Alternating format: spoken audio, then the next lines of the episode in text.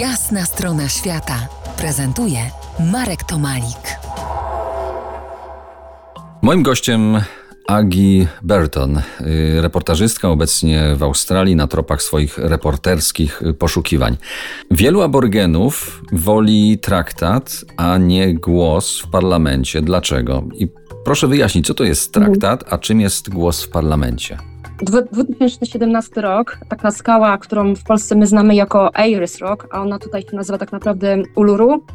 Byłem, po byłem w ostatni dzień, Tak? kiedy można się było wspinać na tą skałę. Oczywiście się na Aha. nią nie wspinałem. Bardzo cieszę się, że zablokowano wchodzenie na tą skałę, ponieważ to jest święta góra dla pierwszych narodów żyjących tam i jak najbardziej mieli prawo do tego, żeby ją zablokować, prawda, żeby ludzie tam nie włazili. Więc tam w 2017 roku e, spotkały się, spotkali się przedstawiciele pierwszych narodów i podpisali taki, taki, taki dokument nazywany Deklaracja od serca spod Uluru, w którym właśnie proponowano wprowadzenie takiego ciała w parlamencie australijskim, gdzie po prostu pierwsze narody byłyby reprezentowane mówiłyby o swoich właśnie problemach, sprawach i tak.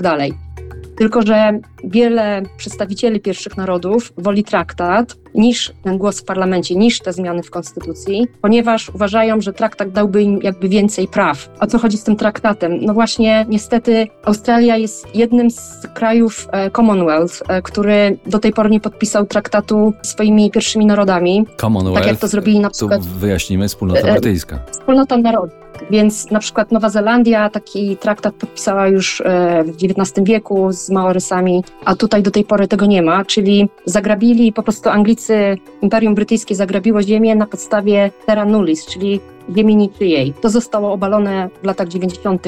XX wieku, tego już nie ma, tego terra nullis, ale nadal jest, nie ma uznania ziem dla pierwszych narodów i dlatego bardzo dużo pierwszych narodów woli ten traktat niż ten głos w parlamencie, ponieważ uważają, że głos w parlamencie byłby takim tylko symbolem. Ale powiedz tak, aborygenów, czyli rdzennych Australijczyków w Australii jest zaledwie 3%. Może 3%. Nawet, tak, może Mhm. nawet niespełna w obecnym społeczeństwie.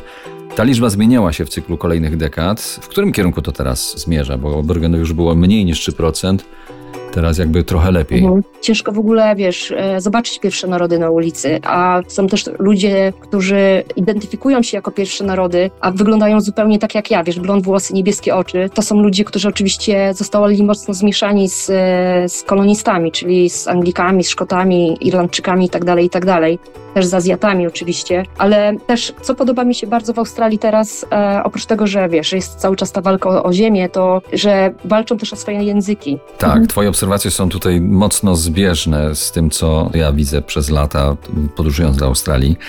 Za kilkanaście minut y, wrócimy do tejże Australii, porozmawiamy o miasteczku, które, o miasteczku, które bardzo do tego kraju kontynentu wydaje się nie pasować, a może przeciwnie, właśnie bardzo pasuje. Zostańcie z nami.